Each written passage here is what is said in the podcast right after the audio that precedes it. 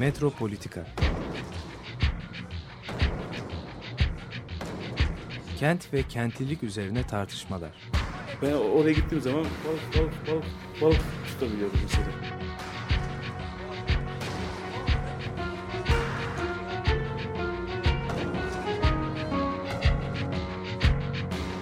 Hazırlayıp sunanlar Aysin Türkmen, Korhan Gümüş ve Murat Güvenç.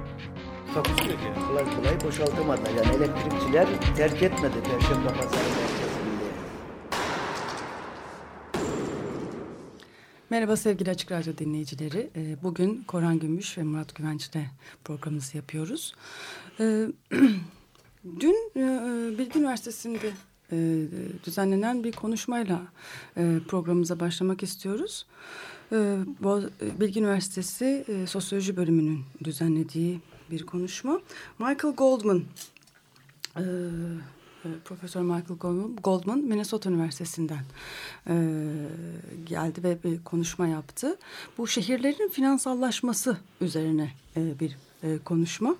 E, çok ö- önemli e, noktalara e, değindi. E, İspanya e, modeli üzerinden e, konuşmasını yaptı. E, ve e, aslında hani e, artık e, spesifik bir yerin çok da e, lokal e, dinamiklerle işlemediğini, e, dünyanın bir sürü yerinde be- bir mekanizmanın işletildiğini e, anlatıyor. E, daha önce Amerika üzerine çalışmış, İspanya üzerine çalışmış, e, Hindistan üzerine çalışmış ve şimdi Türkiye üzerine çalışmayı düşündüğünü e, söylüyor. Şimdi tam nedir e, bu e, bu mekanizma, küresel finans mekanizması nasıl işliyor? E, Biraz kısaca bundan bahsedelim. Diğer programlarda da aslında Michael Goldman'ın bu çalışmalarını detaylı e, buraya taşırız. E, biz birkaç haftadır e, bu e, e, kuzey ormanları üzerine konuştuğumuz için çok da bağlantılı olduğunu düşünüyorum. Yani dünya küresel e, küresel ölçekte baktığımız zaman e, bu projeler nereye oturuyor, ne yapılıyor, e, hangi bağlamlarda hareket ediliyor? Hani bambaşka bir ölçekten baktığımız zaman daha yerli yerine oturturuz e, diye düşünüyorum. E, Michael Goldman şöyle söylüyor. İşte şehre yeni köprü, havaalanı ya da e, yol yapıldığı zaman aslında bu şehirde e, sağlanan gelirle olmuyor. Yani bu mümkün değil hani hiçbir ekonomist diyor. Bunun böyle olabileceğini iddia edemez. Bu yatırımlar e, nasıl oluyor? E, uluslararası yatırımcıların şehre geleceğini ve daha sonra kalacağını varsayarak oluyor. Ancak şimdi bu e, çok büyük yatırımcılar bunlar yani çok güçlü sermayedarlar e, geliyorlar da e, işte e, Hindistan'a da geliyorlar, İspanya'ya da geliyorlar. E, şimdi özellikle zaten bu e, güney e, e, gelişen güney çok revaçta Hindistan e, çok revaçta. Onlar geliyorlar. Ee, ve ha, işte mesela havaalanı ve köprü inşaatları için başlatıyorlar projeleri. Ancak daha tamamlanmadan bu grup gidiyor. Daha hiç bitmeden. Daha inşaat hatta başlamadan neredeyse yani bina inşaatı başlamadan bu grup e, gidiyor. E, çünkü aslında e, bu inşaat başlamadan geliri başka bir yerden oluşturmuş oluyorlar. O da ne oluyor? Arazilerden olan spekülasyon Rantı. Evet. Yani, yani tam aslında biz bugün e, hani oturup kalkıp sadece bunu konuşmamız lazım. Hani, e, çünkü İstanbul bununla e, çok ciddi bir krizle karşı karşıya. Hani ekolojik krize yol açacak muazzam bir e, yatırım öngörülüyor.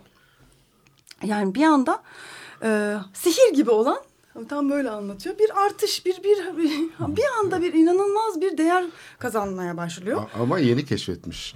E, bu e, kişi bunu Türkiye'de çoktan keşfettiler. ben şey Biz- hatırlıyorum. bilmediğimiz bir şey değil. Bu mesela belediye e, Eminönü Belediyesi vardı eskiden. Onun e, şeyi olduğu bir vakıf vardı. Otellere falan önceden imar durumunu kendi inşa ederdi. Yani imar durumunu gerçekleştirip Sonra bitmeden inşaat en karlı aşaması çünkü o hacimdir. Yani ne kadar inşaat yapılacağına dair şey. Ondan sonra e, devrederdi ve e, oteller öyle gerisi, yapılıyordu gerisi tarihi yarımada. işletmedir. Gerisi işletme çünkü onda kim uğraşacak şimdi? Yani Ve, e, aslında bütün dünyanın e, işte e, yani 20-30 senedir sadece bununla döndüğünü yani bu müteahhitlerin yapmış olduğu mekanizmanın aslında e, şu anda dünyanın mekanizması olduğunu fark etmemizi sağladı benim için. Yani o önemli geliyor. Hani hakikaten aslında. E, ondan sonra çünkü e, şimdi bu yatırımcılar çekilse bile ikinci e, el daha küçük yatırımcılar gelip artı a, a- Kırıntıları kırıntıları toplayıp hani ya, bu arada ya- yani ya- yatırımcı geliyor yabancı yatırımcı geliyor furyasını da tabii ki e, tekrar tekrar oluşturuyorlar.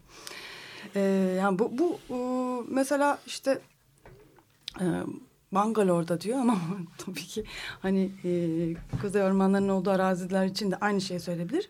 E, tarım alanı olarak e, bildiğimiz 2000 dolar eden bir arsa bu tartışmalar çıktığında en az 200 bin dolar etmeye başlıyor. E borsa böyle bir şeydir yani. Evet. Yani beklentilerdir aslında. Gerçekleşmiş olması da gerekmiyor projenin. O beklenti oluştuğu anda borsada değer artışı olur. Şimdi bu zaten e, bu Türkiye'nin büyük projelerinin temel özelliği bu zaten. Hani biz zannediyoruz ki siyasetçiler işte bunları temsil ediyorlar, sunuyorlar. Halbuki o projeler ortaya çıktığında çoktan kararlar verilmiş oluyor. Çünkü uluslararası finans Tabii, tabii, piyasalarından dolaşan sermaye Tabii geliyor. Diyor ki size şöyle bir proje yapalım.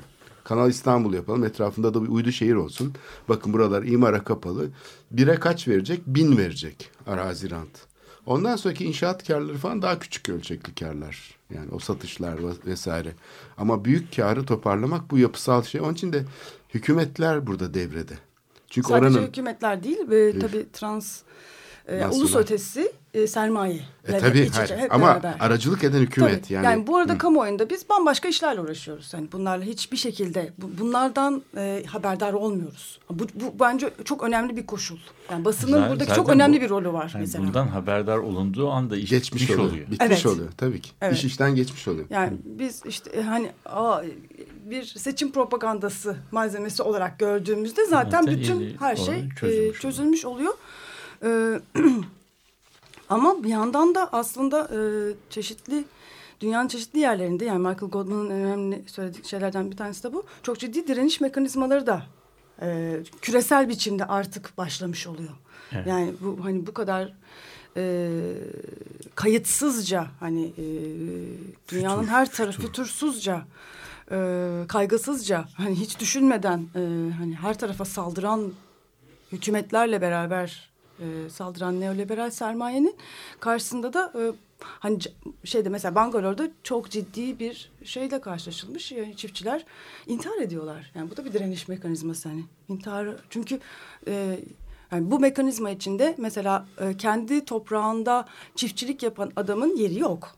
Yani o kendi kendine yetebilen bir insanın yani bu sisteme e, bir şirket mantığıyla katılmayan, e, kar etme amacı güç gütmeden var olmaya çalışan bir insanın bu sistemde yeri yok.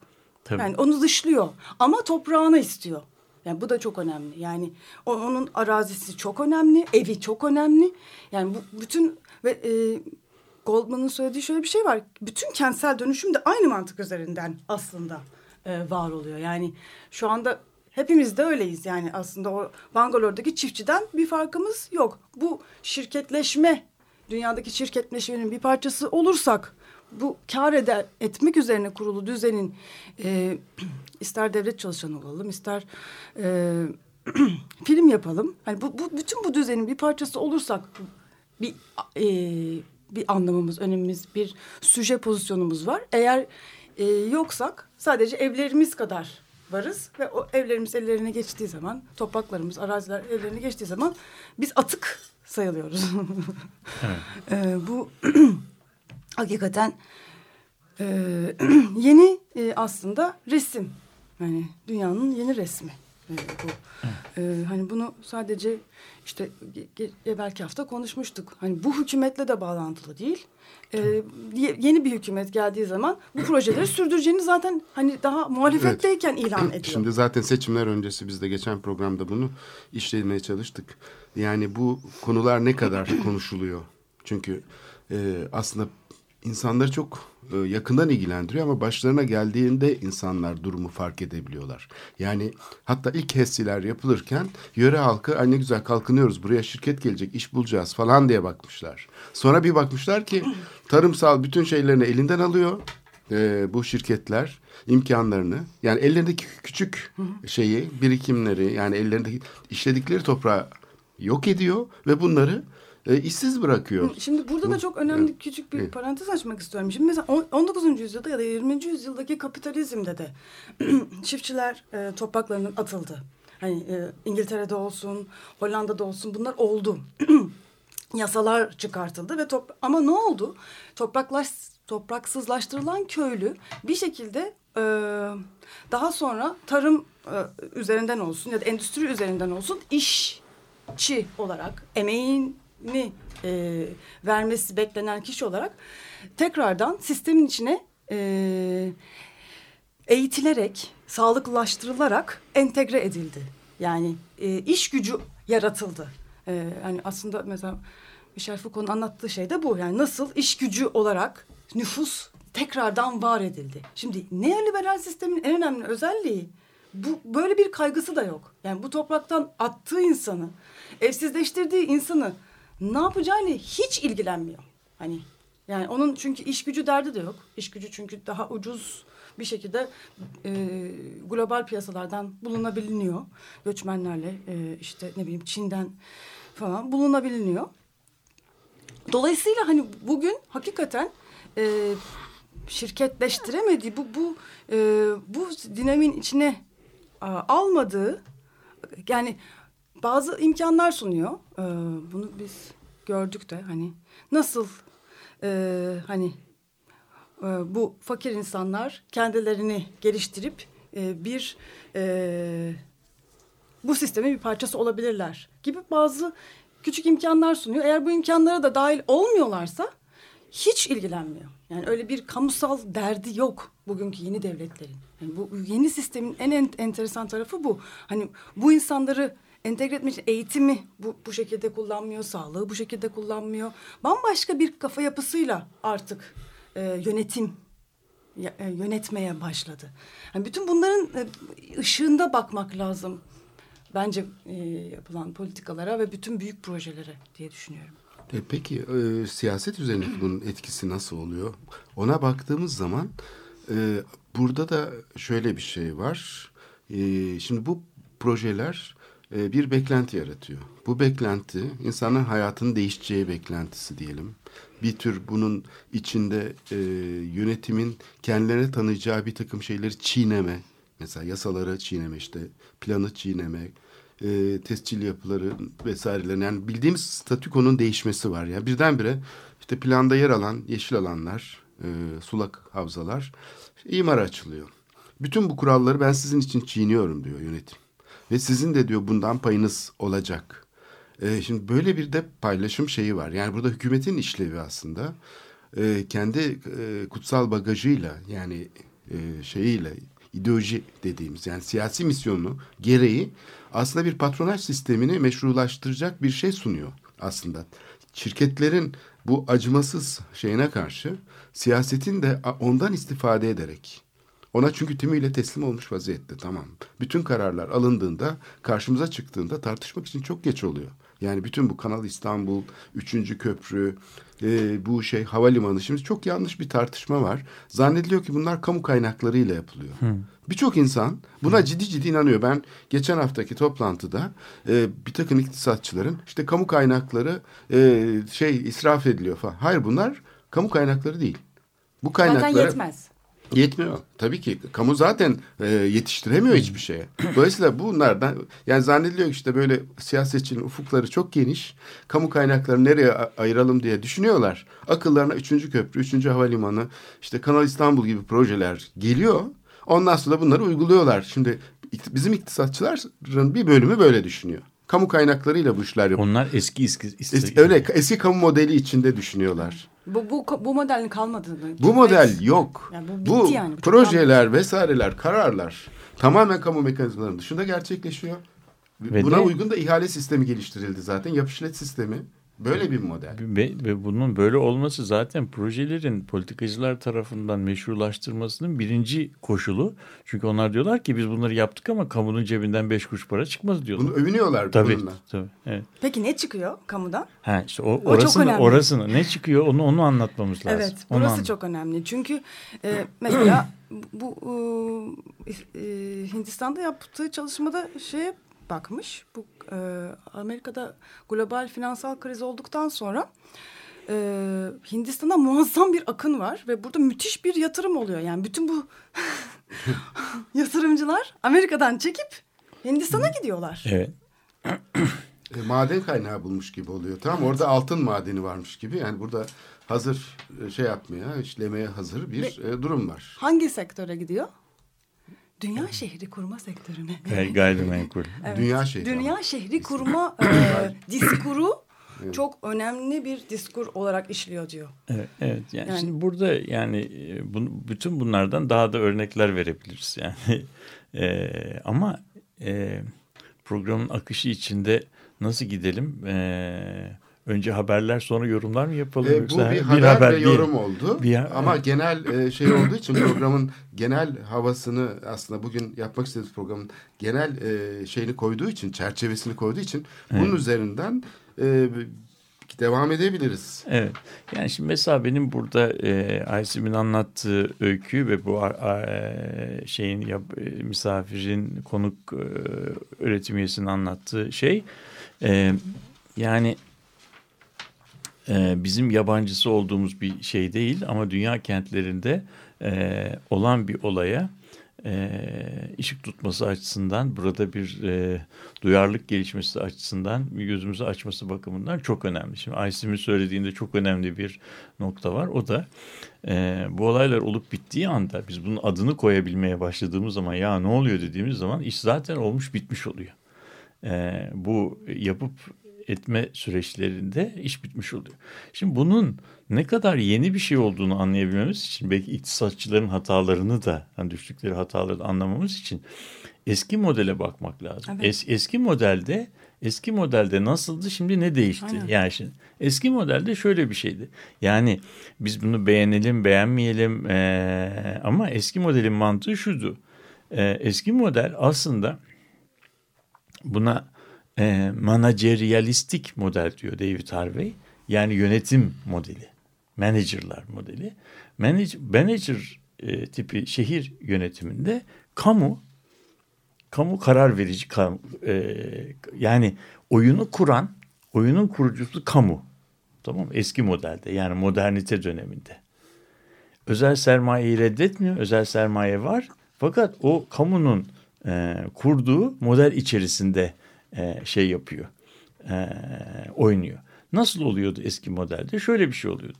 Kamudaki adamlar, uzmanlar e, işte kamuya danışarak veya danışmayarak, kendi ekspertizlerine güvenerek şehir için bir gelecek tahayyülü e, kuruyorlardı.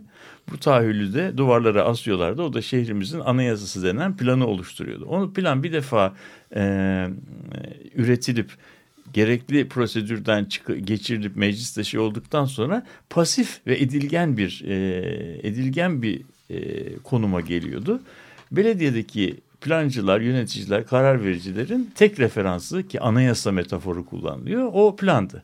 İşte o durumda özel sektör geldiği zaman bir şehirde bir şey yapmaya bir propoz ettikleri zaman deniyordu ki bak sizin projenize ilişkin bizim elimizde böyle bir yer var. İşte bu projenizi burada değerlendirebilirsiniz. Yani burada ön almış olan kamu idi. Fakat hepimiz biliyoruz ki 80'lerin krizinden sonra bu neoliberalizmin yükselişiyle beraber bu model e, sekteye uğradı. Niye uğradı? Çünkü artık kamu e, oyun kurucu olabilme e, konusunda ne o kadar yetkin, ne o kadar esnek, ne de büyük fonları ve kontrol fonksiyonları var. Elinde ne kaldı kamunun? Sadece sadece karar yetkisi kaldı. bir şeye izin verme yetkisi Yasa ve çıkarma. yasa çıkarma. Ama bu ya- çıkardığı yasayı hayata geçirecek finansman olanaklarından da yoksundu. Şimdi bu e, bu durumda ortalıkta iki tane paydaş var oyunu oynayacak. Bir tanesinin elinde yetki var, para yok. Öbürünün elinde para var, yetki yok. Anlatabildim mi? O zaman bu ikisinin bu oyunu birlikte kurmaları için gerekli e, koşullar e, kurulmuş oluyor. Bunun adına public private partnership Evet. deniyor. Yani kamu özel ortaklıkları. Kamu özel ortaklıkları şeyinde bütün projeler bir kere bir gelecek tahayyülünün olmasından çok olmaması e, tercih ediliyor. Geleceği kurmanın meşruiyetinin kamuya bırakılamayacak kadar e, önemli bir şey olduğu söyleniyor. Ondan sonra geleceği kim kuruyor? Geleceği e, fon fon e, toplayabilen girişimciler bir gelecek tahayyülüyle şeylere e, kamu yöneticilerinin huzuruna çıkıyorlar. Bizim bir projemiz var. Bu bir köprü olabilir, tünel olabilir, hava meydanı olabilir, baraj olabilir. Aklınıza gelebilecek büyük şeyler. Burada ne istiyorlar? Bu yatırımı biz siz yapmayacaksınız. Biz bunu yapmak için e, sizden izin istiyoruz. Ama bunun karşılığında ne istiyoruz? Bunun, bunun, bunun karşılığında bir e, şey Garanti. garantisi istiyoruz. Yani bir talep garantisi istiyoruz. Eğer e, sistem bizim e, varsaydığımız kadar talep yaratamazsa bu garantiyi sizin e, aradaki farkı kapatmanızı istiyoruz. Bu koşulu şey yaparsak, bu koşulu e, yerine getirirsek biz sizin için prestij sağlayabilecek bu projeyi hayata Bir geçirebiliriz. şeyler daha istiyorlar e, bu sistemin iyi çalışması için. Emeğin yani işçinin e, güvensizleştirilmesi. Bununla ilgili yasaların çıkartılması e, çok önemli. Bir de arazi kanunlarının çıkartılması çok önemli. Ha, işte bu tabii bu- kanunların bu- çıkartılmada bu, bunlar olmadan gelmiyorlar. Bir de e, Hindistan örneğinde çok enteresan da bir şey var. Mesela Amerika'da e, bir yatırım yaptığı zaman yüzde on iki kar etmeyi garantiliyor. E, Hindistan'da yatırım yapacaksa yüzde yirmi beş karı garantilemeden de gelmeyiz diyor. Yani e, Evet, büyük oradaki ihtimalle fark- bizim ha. ülkemizde bu statüde diye tahmin risk. ediyorum. Şimdi, şimdi, var şimdi bütün bunların yani bu bunun Aysim'in anlattığı bu koşullar e, hemen hemen hiçbir iktisat kitabında bir girişim için ön koşul olarak yazılamıyor. Çünkü şey e, kapitalistler genellikle e, risk alırlar. E, başarılı olurlarsa kar edebilirler. E, e, olmadıkları takdirde e, şey yapmazlar bu işe girmezler. Ama bunlar kar garantili iş yapıyorlar. Bu kar garantili iş yapabilme e, piyasa koşullarının dışında çalışmak demek ki buna bu Brodel e, bu büyük projelerin aslında pazar içinde gerçekleşen projeler değil pazar karşıtı projeler olduğunu söylüyorlar. Bunun adına anti market kavramını söylüyor Brodel. E, tabii bu imtiyaz, imtiyaz, imtiyaz sistemi. imtiyaz, imtiyaz sisteminde çalışıyor. Şimdi böyle olduğu zaman tabii bütün sosyal e, kurallar, kanunlar yani emeğe ilişkin istihdamla ilgili regülasyonlar, arazinin temini ile ilgili regülasyonlar bunlar ayak bağı oluyor. Bunların da hafifletilmesini istiyorlar. Şimdi o zaman da böyle bir şey yapılıyor. Şimdi burada ilk e, baktığımızda kamunun elinden yani kamu yönetiminin elinden cebinden bir şey çıkmıyor. Onlar sadece yetkileriyle e, yetkileriyle yetkileriyle bu e, finans karşılığında bir pazarlık yapıyorlar.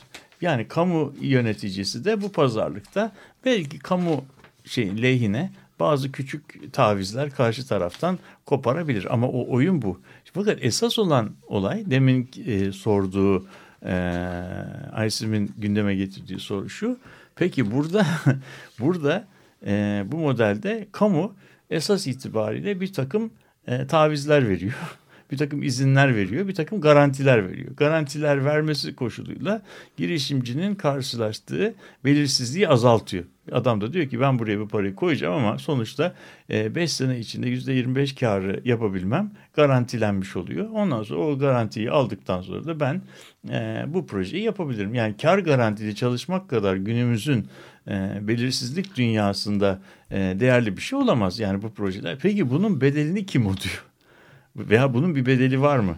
Gelecekten Bunun- çalınmış proje. Evet işte bu gelecekten şimdi bu, bunun e, bu uygulandığı zaman burada konuşulmayan şey e, bunu bu modelleri e, iki değişik biçimde yorumlamak bir, bir- mümkün.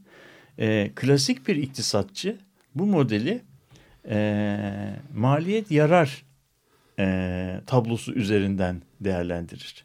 Yani projeler karşılığında kamunun karşı, kamu ne kadar şey yapmış, e, kasasından ne kadar para çıkmış, ne kadar e, bu proje yapılırken bizim e, iktisadımızda yani e, Türkiye'deki ulaştırma sektörüne, imalat sektörüne ne kadar talep yaratmış, proje yapılırken ne kadar istihdam yaratmış bunların hepsi e, projenin olumlu e, katkısı olarak iktisada girer.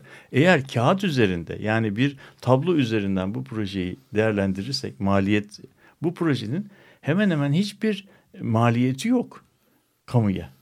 Topluma da bir maliyeti yok. Çünkü sen ben bu top, bu proje yapılsın diye ilk anda hiçbir şey cebimizden hiçbir e, bir kuruş para çıkmıyor.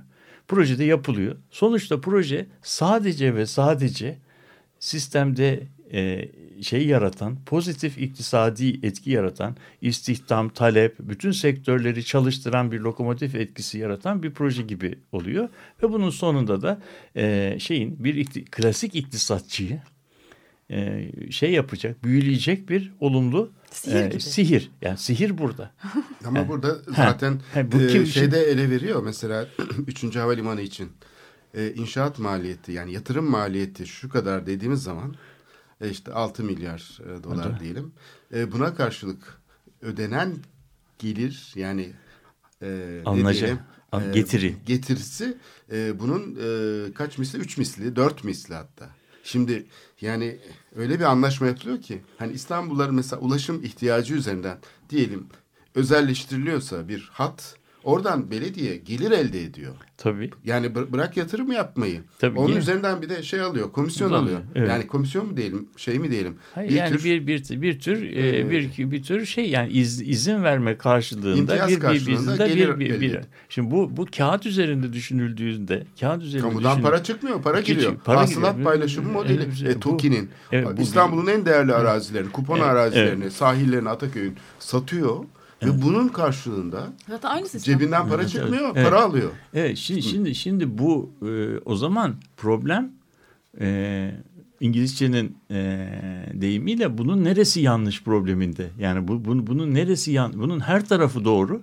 Her tarafında olumlu şeyler var ve de ilk kısa vadede e, bununla ilgilenen paydaşlara işçiler, transportçular, imalatçılar, istihdam hep olumlu etkileri var. çünkü. E, Evet. oturan bir insana da bugün şehrin bir yerinde ot- oturan bir kent sakinleri de çok fazla bir ek bir maliyeti yok, bir, bir vergi artışı yok. Onlar bunlar. Şimdi bu bunun bu, bu tür şeyin e, bu tür e, bir projenin yanlışlığı veya tartışılabilirliğin hangi noktada başlıyor e, sorusuna e, bizi getiriyor ki belki bunu e, programın ikinci kısmında e, değerlendirmek mümkün olabilir. Şimdi burada e, müzik olarak e, bu tür işlerin e, ilk e, belki de en önemli, en yoğun yaşandığı şehirlerden bir tanesi New York'tur. Bu New York'a ilişkin My Name is New York isimli parçayı dinliyoruz Woody Guthrie'den.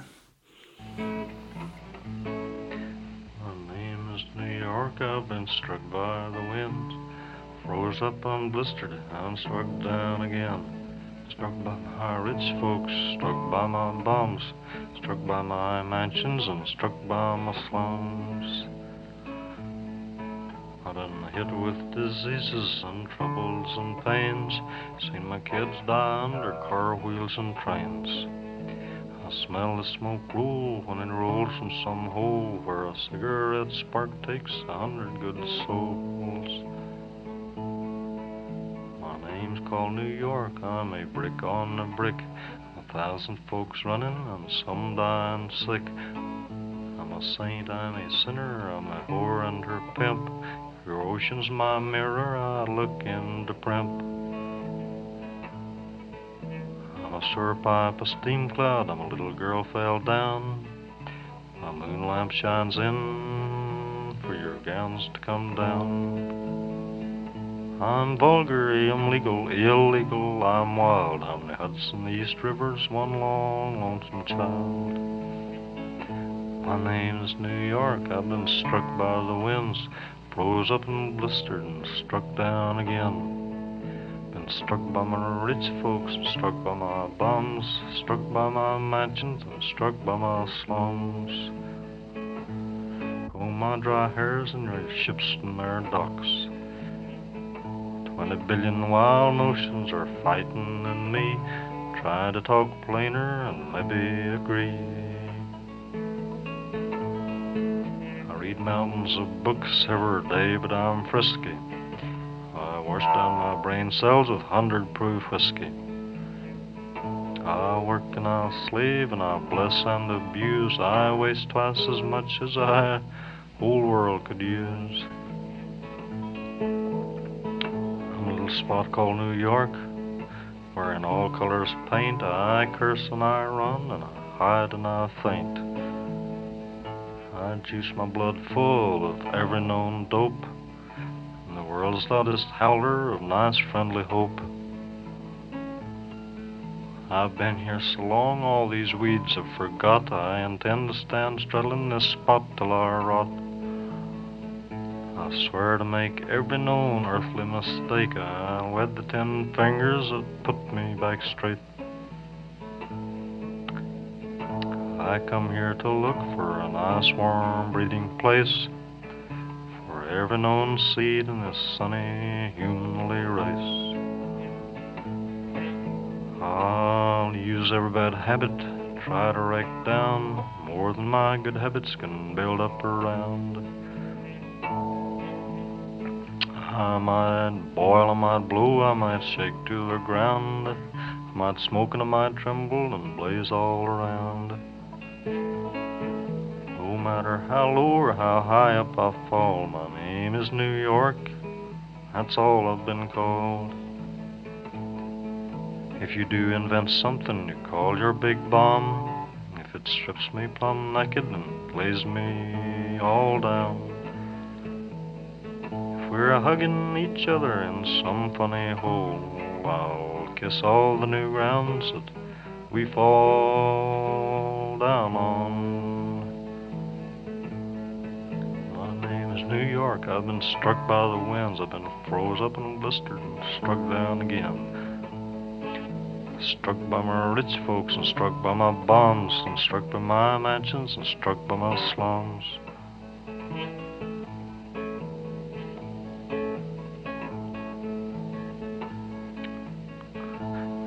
Name's New York. I'm a brick on a brick. I'm a thousand folks running, some dying sick. I'm a saint. I'm a sinner. I'm a whore and her pimp. Your ocean's my mirror. I look into primp. If you do invent something you call a big bomb, if it strips me plumb naked and lays us all down. If we're hugging each other in some muddy hole, kiss all the new grounds that we fall down on. Woody Guthrie'den My Name is New York isimli parçayı dinledik. Ee, şimdi programın birinci kısmında e, herkesin kazandığı, hiç kimsenin kaybetmediği e, adeta e, Sihirli. Aysin, sihirli bir Aysin bize bir bilmece sordu. Şimdi biz biz de bu bilmecenin şeyini e, nasıl diyelim çözümüne ilişkin bazı e, yanıt e, ipuçları e, üretmemiz lazım. Yani nasıl yapabiliriz ki biz bu e, herkesin kazandığı, hiç kimsenin kaybetmediği e, oyunu nasıl? Sorun nerede? E, sorun sorun nerede? Yani, Yani bu sorunun içerisinde herkes nerede? memnun. Herkes me- memnun. Şimdi sihir bence aslında bizim içinde yaşadığımız dünyayı e, nasıl kavramsallaştıracağız, nasıl anlayacağız, nasıl okuyacağız? Burada kullandığımız yöntemlerle ilgili. Birinci şey şu, eğer bu projeleri e, iki girişli e, muhasebe tabloları itibariyle, aktif pasif itibariyle e, hani bir tarafta masraflar öbür tarafta şeyler şeklinde otursa bu projelerin e, negatif çıkmaları mümkün değil. Çünkü ka- kar garantileri var. Bir biçimde sağlıyor. Vergileri de e, kamu açısından da ödeyecekleri vergiler bilmem neler sağlayacakları yararlar. Prestijler şey açıkları filan. Yani bu Her şey- kağıtlı bu kağıtlarda bunlar şey çıkar ama burada bu- bunun bir bedelini maliyetini ödeyecek olan e, şeyler var. Ödeyecek olan insanlar var. Şimdi mesela ben size e, burada bu bedellerin e, nasıl ödendiğini ve bunun nasıl olduğunu anlatmaya çalışacağım. Bir tanesi e, daha önceki e, daha önceki programlarımızda biz Korhan'la konuşurken şöyle bir ayrımdan bahsetmiştik. Bir e, gayrimenkul ile yani gayrimenkula ilişkin e, tahayyüllerin ve tartışmalar ile menkul sermayeye ilişkin veya menkul değerlere, otomobil, e, buzdolabı, dayanıklı tüketim maddelerine, e, maddelerine ilişkin e, iktisadi tartışmanın aynı şeye, aynı e, terimler içerisinde yapılamayacağını söylemiştik. Şimdi ben bir evime buzdolabı alsam veya e, şey yapsam, e, televizyon alsam bunu kullanmam, kullanmamam, elektriğini açmam veya açmamam komşunun buzdolabı kullanımını fazla etkilemiyor. Bütün olay orada. Yani şahsi mallar ki buna e, yani private good deniyor, özel mallar. Özel malların kullanımı çevresindeki insanlara pozitif veya negatif çok büyük bir e, negatif şey e, nasıl diyelim maliyet yüklemiyor. Sadece ben müziğimin sesini çok çok asar açarsam komşu bundan rahatsız eder, kapıyı vurur ve de e, polis gelir bana bunu kapattırırlar. Ama onun haricinde benim bulaşık yıkamam, çamaşır yıkamam, e, müzik sistemi kullanmam veya kullanmamam komşudaki insanların kullanımıyla hiçbir şeyi yok onlara ne bir değer yaratıyor ne de onlardan bir şey götürüyor. Onun yüzden e, iktisatta özel malların, eşyanın, metanın kullanımıyla ilgili kurallar e, güzel güzel yazılmış. Şimdi biz bunu gayrimenkule e, tercüme ettiğimiz zaman e, gayrimenkule tercüme ettiğimiz zaman olay böyle olmuyor. Çünkü bir arazi parçasının A kullanımına değil de B kullanımına e, tahsisi o arazinin etrafındaki yani komşularının bitişik parsellerdeki e, kullanışlılığı değeri etkiliyor. Benim bir arazim olsa ben buraya bir park yapsam bu parka bakan parsellerin değeri artar mı eksilir mi? Hiçbir şey yapmanıza gerek yok. Orada bir güzel. Yani şuradan söyleyelim. Burada e, Pros tarafından düzenlenen şu Maçka Parkı'na bakan e, parseller var. Onların e, arazi yani onların piyasa fiyatlarında e, bu park bir pozitif faktör olarak içine giriyor mu girmiyor mu? Giriyor çünkü emlaklarda bakıyoruz deniz manzaralı Maçka Parkı'na bakar kapanması imkansız filan gibi şeyler görüyoruz. Önünün kapanması. O zaman o oraya yapılan kamu yatırımı bir anda ona mücavir bitişik parsellerdeki değeri etkiliyor. Ben aynı parka bir hız, hızar atölyesi veya bir atık atık e, su e, arıtma, arıtma tesisi kursam o da bir kamu şeyi. Moda sahilinde olduğu, olduğu gibi. gibi. O atık su tesislerinin Rodos zamanında modaya saçtığı o güzel kokular oradaki insanları rahatsız ediyor mu etmiyor mu? ediyor. Eğer orada atık su tesisi olmayıp da orada başka bir tesis olmuş olsaydı oradaki parseller bundan olumsuz mu olumlu mu etkilenecekti? Bunu çok genel şey yapabiliriz. Onu, buna kamu malları iktisadında e, dışsallık deniyor. Bir kamu yatırımının yarattığı dışsallık. Bu dışsallık pozitif olabilir şeyde olduğu gibi park örneğinde olduğu gibi negatif örneğinde olduğu gibi e, negatif olabilir. Atık su tesisi, hızar atölyesi veya apartman e, veya şey e, mesela veya bir şey Hı. sizin evinizin kenarına bir tane e, itfaiye e, şeyi kurulsa merkezi kurulsa sabahtan akşama kadar dadi, siz orada dadi dadi ses şey yapsanız veya bir hastane kurulmuş olsa sizin şeyinizde salonunuzda hastanenin morguna baksa tesadüfen. Veya o. karayolları tünel tüp geçidinin şey gibi şey, veya şey, bacasına bak. E, işte bu bu tür kamu yatırımı. Şimdi bu tür kamu yatırımları demek ki bu tür kamu yatırımları etraflarında etraflarında pozitif veya negatif e, dışsallıklar yaratıyor. Bunu ilk keşfeden benim e, okuduğum en, en önce örneklerden bir tanesi bu Baron Hosman'ın eşidir. O biraz saftil bir hanımefendiymiş. Yani burada seksizm falan yaptığım yok.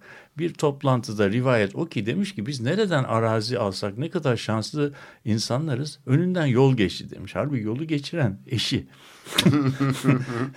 yani bu tür kamu yatırımlarının pozitif e, etkilerinden e, şey yapıyorum. Şimdi o yüzden bu kamu yatırımları aslında e, kağıt üzerinde düşünüldükleri zaman yani sadece bir iktisadi yatırım olarak düşünüldükleri zaman bunların yarattığı bu çevrelerinde yarattığı pozitif ve negatif dışsallıklar ki buna İngilizce'de externality deniyor. Bunlar göz ardı ediliyor. Edildiği zaman da hesap daima pozitif çıkıyor. Ama bu dışsallıkları hesaba kattığımız zaman her bir yatırımın olumlu veya olumsuz bir bir toplumsal maliyeti var ve bu toplumsal maliyeti birileri ödüyor. Şimdi size buradan örnekler verelim. Ben şehre beş cebimden beş kuruş e, para çıkarmadan e, bir Marmaray gibi bir sistem kuruyorum. Bu sistemi tart kamuoyunda tartıştığım tartışılan şeyi bu kaç metre derinden geçiyor, nasıl geçiyor, istasyonlar ne yapıyor bilmem ne yapıyor. Bunu bunu anlatmıştık uzun uzun. Peki Marmaray'ın yarattığı dışsallık sadece Boğaz'ın etrafından geçip Halkalı'yı bilmem e, Gebze'ye bir buçuk saat, bir saat on beş dakikada erişilebilir kılmak mıdır? Yoksa daha geniş bir düşünmek lazım. Marmaray burada tartıştık daha önceki programları. Marmaray gibi büyük bir kamu yatırımı o Orhan Veli'nin söylediği gibi şişede durduğu gibi durmuyor. Kağıtta çizili olduğu gibi de durmuyor. O etrafındaki bütün arazi fiyatlarını etkilemeye başlıyor. İstasyona yakın olan yerdeki arazi fiyatları hızla artarken Anlatabildim Eskiden bazı ulaşım alanlarına yakın olan bazı arazilerde birdenbire artık o kadar rağbet görmeyen yerlere e, dönüşüyor. Çünkü ona bir kardeş geliyor. Kardeş de çok daha yakışıklı, çok daha çekici bir kardeş. Bir yerin arazi fiyatları inanılmaz derecede artar ise Mesela İstanbul'da benim aklıma gelen Erenköy'de tren istasyonuna çıkan caddeler üzerindeki bulunan küçük esnaflar, zanaatkarlar filan. Yarın öbür gün oradan e, Marmara geçtiği zaman acaba o zanaatkarlar, o küçük esnaflar o bölgedeki küçük işliklerinin, e, workshoplarının, atölyelerinin kirasını ödeyebilecekler mi? Evet. Ödeyemedikleri takdirde oradaki e, emlak sahipleri bir gün gelecekler diyecekler ki kusura bakmayın ya buranın bu kirasını öderseniz ya da benim Almanya'dan oğlum geliyor ya da biz burada bir şey yapacağız. Ve bu şekilde bu insanlar bulundukları bir yerde kendilerinin hiçbir e, kusuru olmadan bir anda kendilerini bu oyundan dışlanmış atılacak ve onlar da e, belki iki önlerinde iki şey olacak. Arazi fiyatlarının düşük olduğu yerlerde çalışabilirler ama aynı geliri elde edebilirler mi? Aynı müşteri kitlesini bulabilirler mi? Aynı işi yapabilirler mi? Bunlar tabii soru işareti. Bu bunu bu küçük örneği biz geliştirebiliriz. Buyur sen bazı. Yok ben de gözlemlediğim şey mesela 2004 yıllarında bir e, bu konuda bir şey oldu. Çünkü dikkat ederseniz mülkiyet sorunu diye bir kavram çıktı ortaya.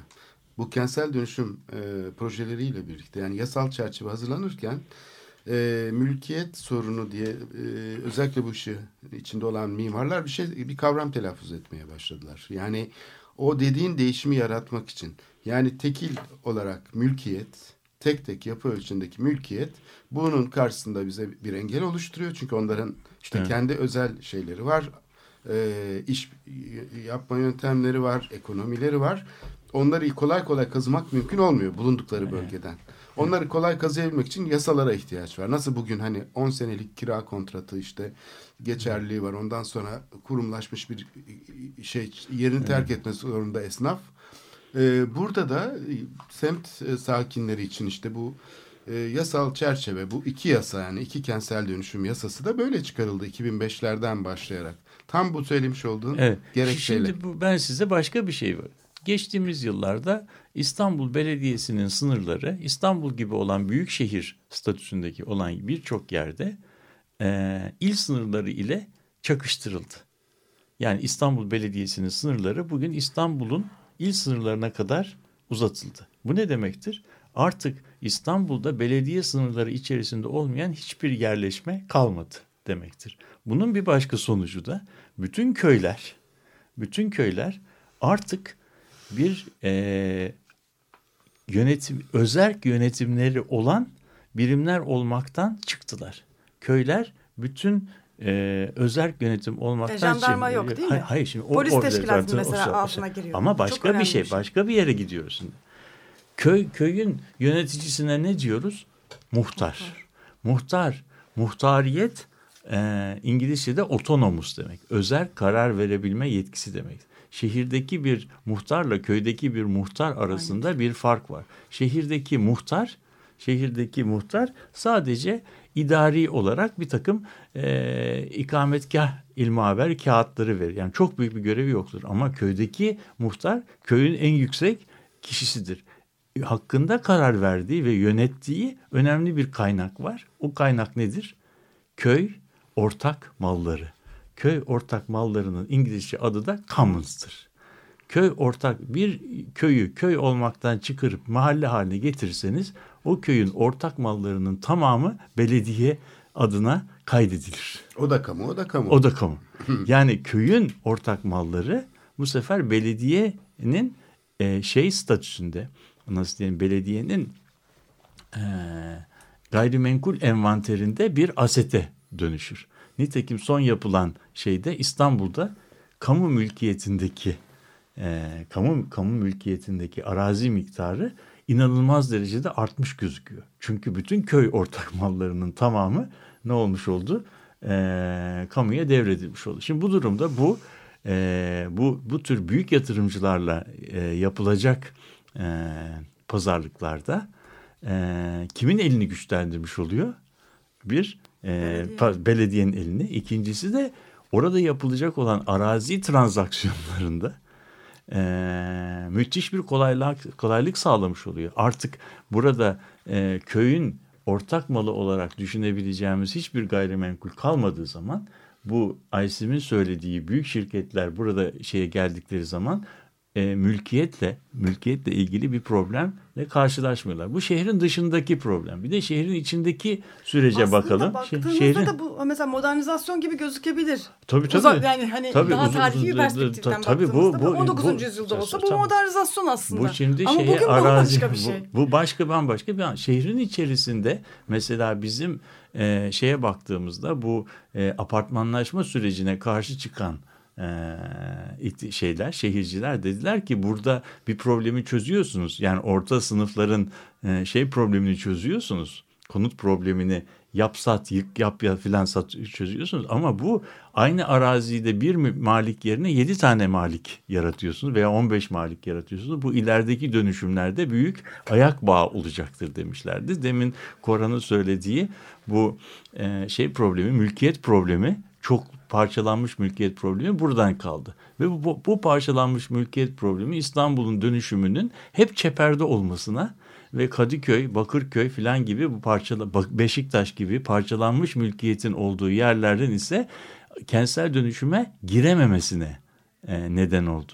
Bunu nasıl çözdüler? İki tane e, şeyle çözdüler. Bir tanesi afet riski taşıyan yerlerin imarı ile ilgili yasa. İkincisi de e, bir arazinin dönüştürülmesi konusundaki eskiden aranan oy birliği şartını üçte iki çoğunluğa çevirmek üçte iki çoğunluğa çevrildiği zaman artık kent içindeki arazilerde e, şeye gayrimenkul piyasasına katılabilir oldu. Bu dönüşüm içerisinde e, aslında e, konuşmamızın başında e, Aysim'in bahsettiği e, büyük küresel e, gayrimenkul sermayesinin iş yapacağı e, yatırımlar için e, sahne e, hazırlanmış oldu.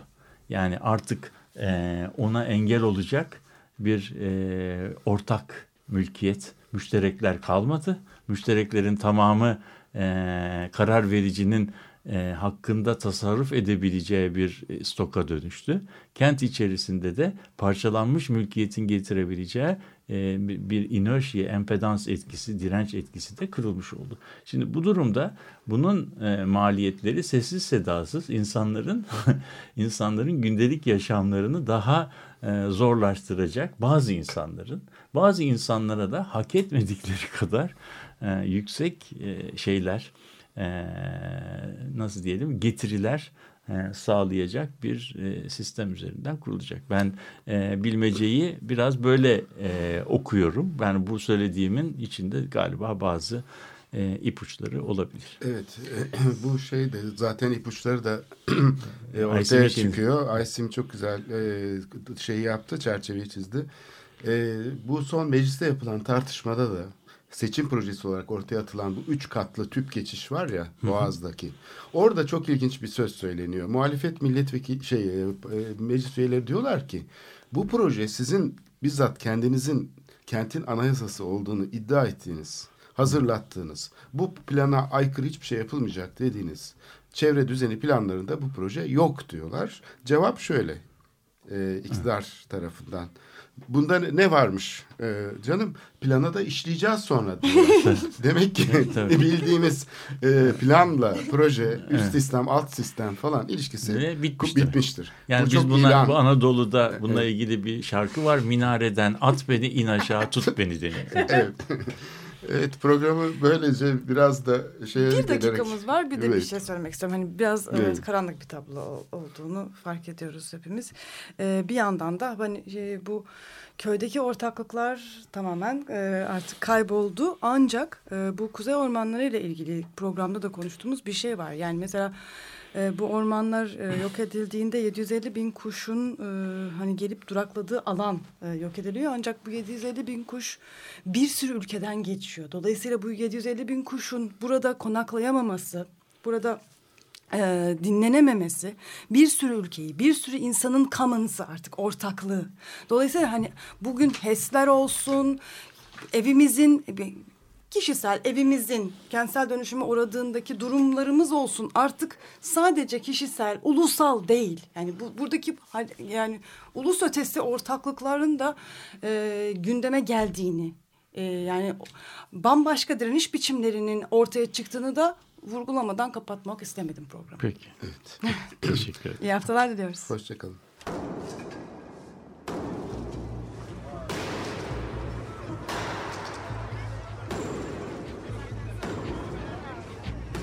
Metropolitika Kent ve kentlilik üzerine tartışmalar. Ben oraya gittiğim zaman balık balık balık balık tutabiliyordum mesela.